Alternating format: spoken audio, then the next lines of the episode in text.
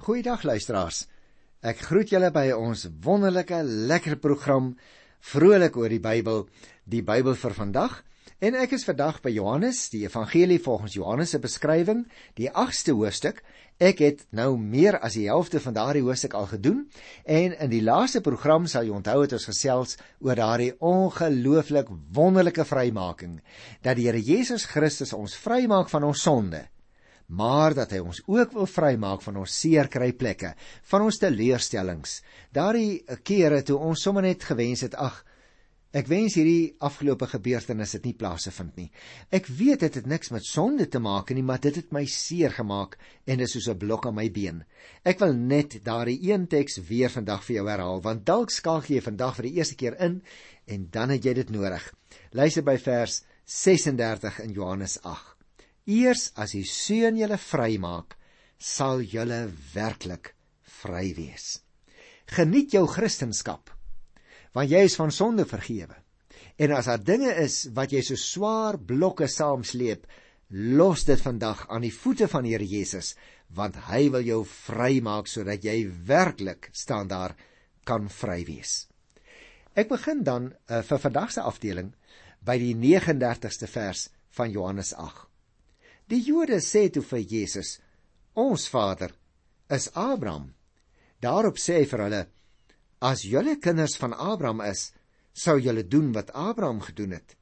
Maar nou wil julle my doodmaak vir my wat die waarheid wat ek by God gehoor het aan julle verkondig. Dit is nie wat Abraham gedoen het nie.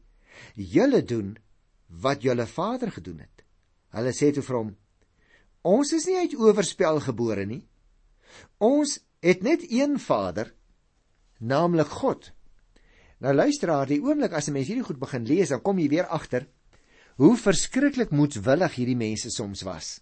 Want dit was herhaalde kere nou al duidelik dat die Here Jesus vir hulle gewys het daarop dat dit nie gaan oor die fisiese afkoms nie, maar dat God wat Gees is, jy onthou nog Johannes 4:4 tot 26, dat God wat Gees is, vir hom die Here Jesus gestuur het. Dit gaan dus nie oor 'n fisiese verbintenis met God nie. Dit gaan oor 'n geloofsverbintenis.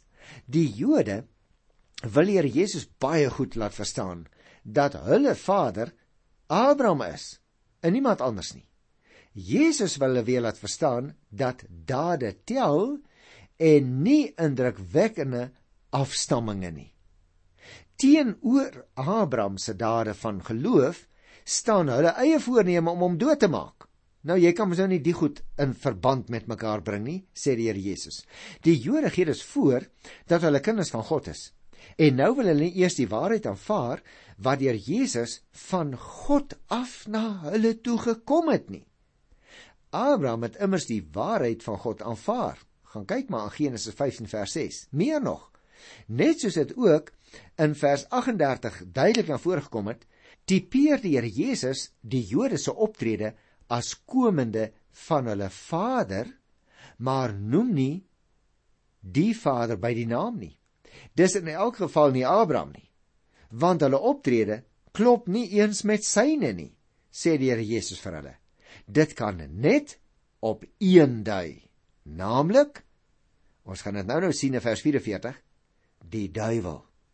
Die Here Jesus wil vir die Jode sê dat 'n seun soos sy pa optree, maar dat hulle volgens hulle optrede nie egte kinders van Abraham is nie. Hulle dade verraai eerder dat hulle kinders van die duiwel is. Die Jode maak egter daarop aanspraak dat hulle net een Vader het, naamlik God, en dat hulle godsdienstig suiwer van afstamming is. Hulle is nie uit owerspel gebore nie. Nou luisteraars natuurlik. Hier was nie van owerspel sprake by die Here Jesus nie. Hulle neem self dit op wat kort van tevore gebeur het toe die Here Jesus 'n vrou wat in owerspel was ook vrygespreek het. En dit pla hulle so dat hulle net nie kan wegkom van hulle eie afstamming nie. Hulle wys voortdurend op hulle herkoms, naamlik ons is die afstammelinge van die van ons vader Abraham. Maar hier in vers 41 ons is nie uit owerspel gebore nie ons het net een Vader, naamlik God. Terwyl die Here Jesus nou net vir hulle gesê het, julle doen wat julle Vader gedoen het. Die Here Jesus onderskei met ander woorde tussen ware kinders aan die een kant en afstammelinge aan die ander kant. Die skrifgeleerdes was afstammelinge van Abraham, dit wil sê die vader van Israel en het dus daarop aanspraak gemaak dat hulle ook kinders van God was. Hulle optrede het egter nie bewys dat hulle optrede die werklikheid van kinders se optrede was nie. Hulle optrede het bewys dat dit die bewys is dat hulle die duiwel het as vader, omdat hulle hulle deur hom laat lei het. Hulle dade dui dus eerder daarop dat hulle nie so suiwer van afstamming is as wat hulle wil sê nie. Jesus beklemtoon met ander woorde luisteraars dat iemand se optrede baie belangrik is. Belangriker is as sy afstamming. Miskien luister iemand vandag na hierdie program wat net soos ek sal kan sê ek kom nie uit belangrike mense nie. Ek kom maar uit doodgewone mense.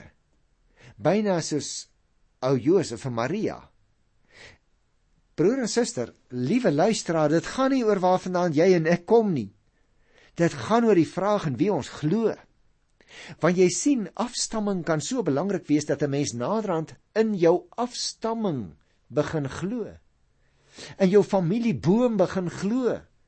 Jy sê vir mense, jy vertel vir hulle, jy getuig teenoor hulle waarvandaan jy kom. Maar getuig jy van hulle dat jy in Jesus Christus glo?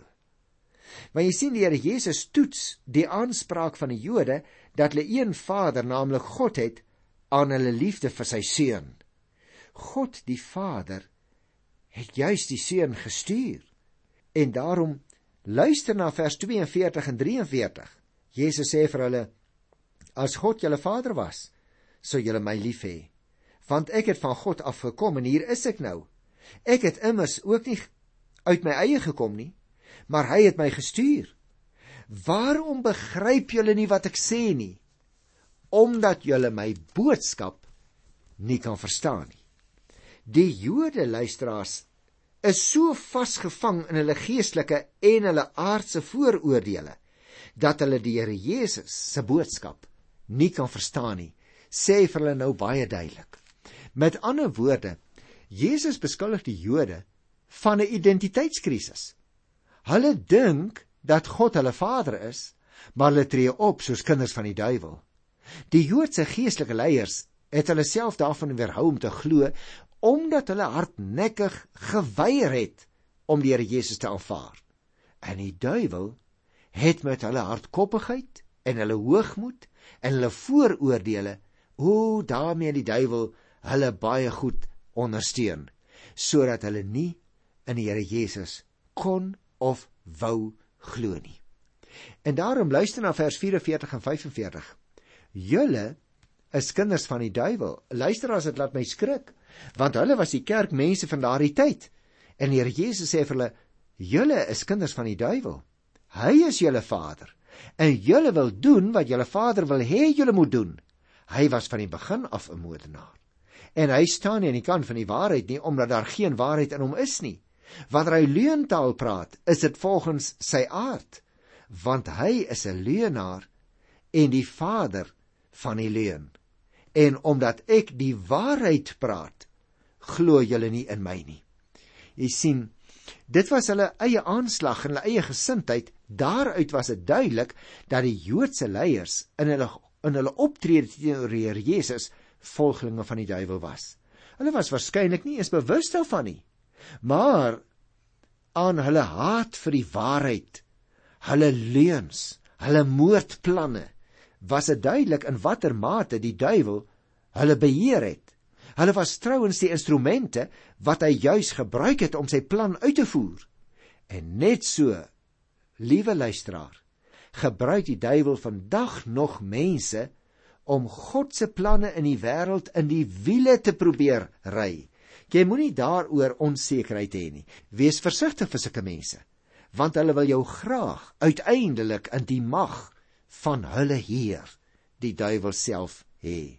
Dit blyk dus uit hulle optrede wie mense werklik is. En dit is wat die Here Jesus pertinent vir hierdie mense sê. Daarteenoor sê die Here Jesus in die 45ste vers, praat hy oor die waarheid soos hy dit van sy Vader ontvang het en omdat hy self ook die beliggaaming van die waarheid is. Maar die Jode aanvaar dit nie. Daar is natuurlik vandag geredde Jode broers en susters wat tot die lig gekom het en die Here Jesus aanvaar het vir wie hy is. Maar as 'n Jood nie die Here Jesus aanvaar nie, bly hy in die duisternis. Nou ja, vers 46 sê: Wie van julle kan sonde by my aanwys as ek dan die waarheid praat? Waarom glo julle nie in my nie? Niemand kon Jesus van enige sonde beskuldig nie. Nie in die tyd wat hy op aarde was nie, hoor. Die mense het hom gehaat, hulle wou hom doodmaak. Hulle het hom met valk ook dopgehou. Hulle het verkeerde dinge in hom gesoek. Maar hulle kon niks verkeerds in sy doen en late vind nie. Sy sonlose lewe was 'n duidelike bewys dat hy God was wat mens geword het. Hy was tussen hakies luisteraars die enigste volmaakte mens wat ooit bestaan het want hy was te gelyk God en hy was te gelyk mens. As die Here Jesus dan nie sonde het nie sê hy nou praat hy mos die waarheid. En as hy die waarheid praat behoort die mense wat na hom luister te glo. Jesus het die mense soms uitgedaag om sy boodskap te toets. Hy het nie omgegee as iemand sy aansprake bevraagteken nie mits mits hulle bereid was om ook die waarheid te aanvaar as dit dan aan die lig sou kom. As Jesus geen sonde het nie, so sê hy, dan praat hy inderdaad die waarheid en as hy die waarheid praat, dan behoort die Jode in hom te glo. Vers 47 vat dit saam. Wie 'n kind van God is, luister na die woorde van God. Juis daarom luister julle nie omdat julle nie kinders van God is nie. Om die waarheid te sê, broer en suster, hier staan dit nou baie duidelik op grond van hulle afstamming as kinders van die duiwel is die Jode doof vir Jesus se boodskap. Daaruit blyk dit dat hulle nie kinders is van God nie. En nou kom ek by die laaste klompie verse hier in Johannes 8 en ek wil baie graag ook daaraan aandag gee. Die opskrif in die Afrikaanse teks is Jesus was voor Abraham al daar. En voor ek dit behandel, wil ek net weer eens vir jou herinner daan luisteraar. Die Here Jesus is as mens gebore. Maar dit beteken nie dat hy toe ontstaan het nie. Hy was altyd daar. Gaan lees maar weer Johannes 1 vers 1. Hy was in die begin al daar. Met ander woorde die Here Jesus was voor die skepping al daar. Paulus brei daarop uit in Kolossense 1 by die 16de vers, sê hy Christus troon bo kan die skepping en alles is deur hom geskape en vir hom geskape. In die laaste deel van daardie teks uit Kolossense waarna ek verwys het. Met ander woorde, as dit nou hier gaan oor Jesus was voor Abraham daar, dan is dit die gesprek wat die Jode nou probeer voer met die Here Jesus terwyl hulle nie sy ewigheidsbestaan wil erken nie. Daarom wil ek 'n oorsig gee nou oor hierdie paar versies voor ek in detail gaan behandel. Jesus trek die egtheid van die Jode se kunskap in twyfel op grond van hulle optrede. Daarom noem hulle hom 'n Samaritaan. Dit wil sê 'n onegte in hierdie verse wat ons nou gaan behandel. Verder sê hulle ook dat die Here Jesus in diens van die duiwels is. Nou mense skrik as jy dit hoor, né? En dit ontken ons meester natuurlik ook deur te beklemtoon dat hy juis in diens van sy Vader is. Sy werk is egter nie net sy eie nie, maar juis die verheerliking van die Vader. En die geloofsaanvaarding van Jesus se woorde bring dan mee dat iemand nooit meer sterf nie. Kom ek sê dit anders. Op grond van die Here Jesus se woorde leef iemand vir altyd Gehoorsaamheid is dan ook 'n proses wat aanhou en aanhou. Daarom moet ons die Here voortdurend om vergifnis vra vir die sonde wat ons nog langs die pad doen. Ons is reeds sy kinders, né? Maar dit beteken nie dat ons nie dalk kan struikel nie. Maar as ons struikel, dan val ons nie uit sy genade uit nie. Kom ek begin by Johannes 8 by die 48ste vers. Die Jode het vir hom gesê: "Ons het mos gesê jy's 'n Samaritaan en van die duiwel besete." Hulle hulle het daarop aanspraak gemaak luisteraars dat hulle die ware en die enigste kinders van Abraham is.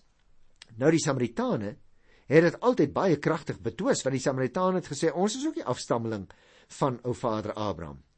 Omdat die Here Jesus nou die egtheid van hulle kunskap in twyfel trek, word hy ook as 'n Samaritaan uitgeskel. Verder sê hulle dat Jesus in diens van die Satan is. Hulle wil hom nie aanvaar nie. Hulle gaan dus verder as om net te sê maar maar jy is ook maar net 'n Samaritaan en ons erken hulle nie. En nou beklemtoon hulle hy is juis 'n aanhanger van die duiwel self. Maar in vers 49 Jesus het geantwoord: Ek is nie van die duiwel besete nie. Maar ek eer my Vader en julle doen my oneer aan. Ek soek egter nie na eer vir myself nie. Daar is een wat eer vir my soek en hy is regter. Dit verseker ek julle. As iemand my woorde ter harte neem, sal hy in alle ewigheid nooit sterwe nie. Nou luisteraar, dit is dit is wonderlike wonderlike woorde. Die Here Jesus ignoreer gewoon die aanklag dat hy 'n Samaritaan is. Hy ontken ook dat hy deur bemiddeling van die duiwel optree. Hy stel dus daarteenoor dat hy in diens van sy Vader se eer is. Kyk weer na vers 50. Jesus soek nie die eer wat hom toekom nie. Hy soek sy Vader sorg daarvoor. God oordeel ook oor mense se optrede en kyk of hulle die Here Jesus eer. Dit het juis uit vers 51 gebleik as iemand gehoorsaam is aan wat die Here Jesus leer, ontvang hy die ewige lewe en hy sal in der ewigheid nie sterwe nie. O, en ek dink nou word die Jode eers kwaad. Kyk by vers 52. Die Jode sê toe vir hom: "Nou is ons seker dat jy van die duiwel besete is. Abraham het gesterwe en die profete ook, en tog sê jy: As iemand my woorde ter harte neem, sal hy in alle ewigheid nooit sterwe nie. Jy is tog nie groter as ons vader Abraham wat gesterf het nie en die profete het gesterwe. Wie verbeel jy jou is jy? Julle sien luisteraars, die Jode meen dat hulle stelling dat Jesus van die duiwel besete is, daar vers 48, dat dit nou korrek bewys is. Abraham, die stamvader, het immers gesterwe, voer hulle aan. En die profete as geestelike leiers van die volk het ook gesterwe, voer hulle aan. Hoe kan iemand nou, so vra hulle, op grond van die woorde wat Jesus praat, vir altyd lewe? Hulle sê, Jesus, u is immers tog nie groter as ons voorvader Abraham nie. U is ook nie groter as die profete nie. En hulle het gesterwe. Hoe kan u nou sê as ons na u woorde luister, gaan ons vir ewig lewe. Nou luisteraars, hier het ons nog 'n goeie voorbeeld, 'n tipiese misverstand oor Jesus se woorde. Net die teenoorgestelde is waar. Jesus is groter as Abraham. Volgens die Jode maak Jesus nou aanspraak op bo menslike krag. En daarom haas ek my om vers 54 te lees. Jesus antwoord hulle: As ek myself verheerlik, beteken my heerlikheid niks. Dit is my Vader wat my verheerlik. Julle sê hy is ons God. Jy sien, luisteraar, die Here Jesus se heerlikheid is nie mensewerk nie. Of dit wat hy doen is nie maar wonderwerkies nie. Dit is die werke van sy Vader waarvoor hy gekom het. Deur sy kruisdood heen gaan hy uiteindelik die Vader finaal verheerlik. Jesus noem God my Vader. En die Jode noem hom ons God. En daarom is nou belangrik dat ons opmerk in vers 55 word die punt nou finaal gemaak. Julle ken hom nie, maar ek ken hom. As ek sê ek ken hom nie, sal ek net soos julle 'n leienaar wees. Maar ek ken hom. Ek neem sy woorde ter harte. Hy sê vir hulle Tog ken hulle nie vir God nie. Jesus ken nie net vir God nie, maar is ook gehoorsaam aan sy woorde. Luister vers 56. Abraham, julle voorvader, het hom ook daaroor verheug dat hy die dag van sy kom sou sien. En hy het dit gesien en was bly. Die Here het vir Abraham, die vader van die Joodse volk, gesê dat al die nasies van die wêreld in hom geseën sou word. Jy onthou dit nog luisteraar daar in Genesis 12 vers 1 tot 3. En nou sê Jesus, ek wat 'n ware afstammeling van Abraham is, het die hele wêreld geseën. Nog beter as wat Abraham die wêreld geseën het. En ek gaan deur my opstanding en die gawe van die Heilige Gees finaal vergifnis skenk. Jy sien luisteraar, Jesus se menswording kan gesien word as die uiteindelike vervulling van die beloftes van verlossing wat die Here aan Israel aan ou vader Abraham gegee het. Abraham, luisteraar, so sê die Here Jesus was verheug. Oor wat was sy verheug? Onthou jy nog? Sy was verheug oor die geboorte van Isak as die begin van die vervulling van God se beloftes. Maar as die nageslag van Abraham, die Jode en ook die menswording van Jesus, het Jesus self nou die vervulling gesien. Met ander woorde, die ware Abrahamsvolk is bly daaroor. 'n Oordrywing van Jesus se ouderdom dien om die ongemaklikheid van die Jode en hulle aanspraak dat Abraham die dag van Jesus se koms sou sien te beklemtoon. Ek lees dus hier van vers 56 af. Abraham, julle voorvader, het hom daaroor verheug dat hy die dag van my koms sou sien. En hy het dit gesien. En hy was bly. Die Jode sê toe vir hom: "Jy is nog nie eens 50 jaar oud nie. En jy het vir Abraham gesien. hoe hoe wat praat jy nou?" Jesus het hulle geantwoord: Dit verseker ek julle. Voordat Abraham gebore is, was ek al wat ek is. Nou hierdie is belangrike opmerkings luisteraars. Want uh, hulle sê nou maar hoe kan u nou vir Abraham gesien het? U is nog nie eens 50 jaar oud nie. En dan volg die klimaks van die hoofstuk. Jesus erken sy godheid. Hy sê dat hy reeds bestaan het voordat Abraham gebore was. Luisteraars, hierdie woorde van die Here Jesus is baie kragtig. As hy sê hy bestaan van voor Abraham se geboorte af, dan is dit 'n onbetwisbare bewys van sy goddelikheid.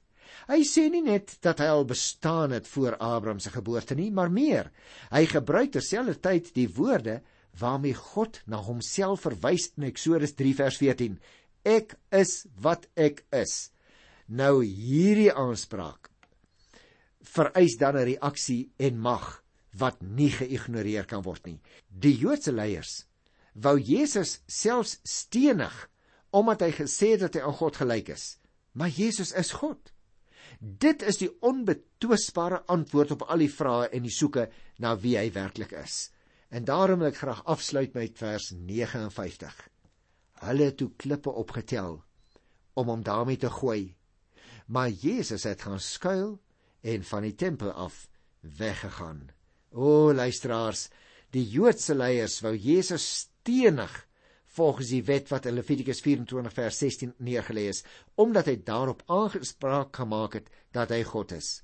Hulle het goed verstaan watter aanspraak hy maak maar hulle was nie bereid om hom te glo nie en daarom het hulle hom van God se lastering beskuldig. Hoe ironies is dit tog dat dit in werklikheid hulle is wat God lasterlik was omdat hulle die Here valslik beskuldig het terwyl hulle daarop aanspraak gemaak het om God te ken. Laaste opmerking.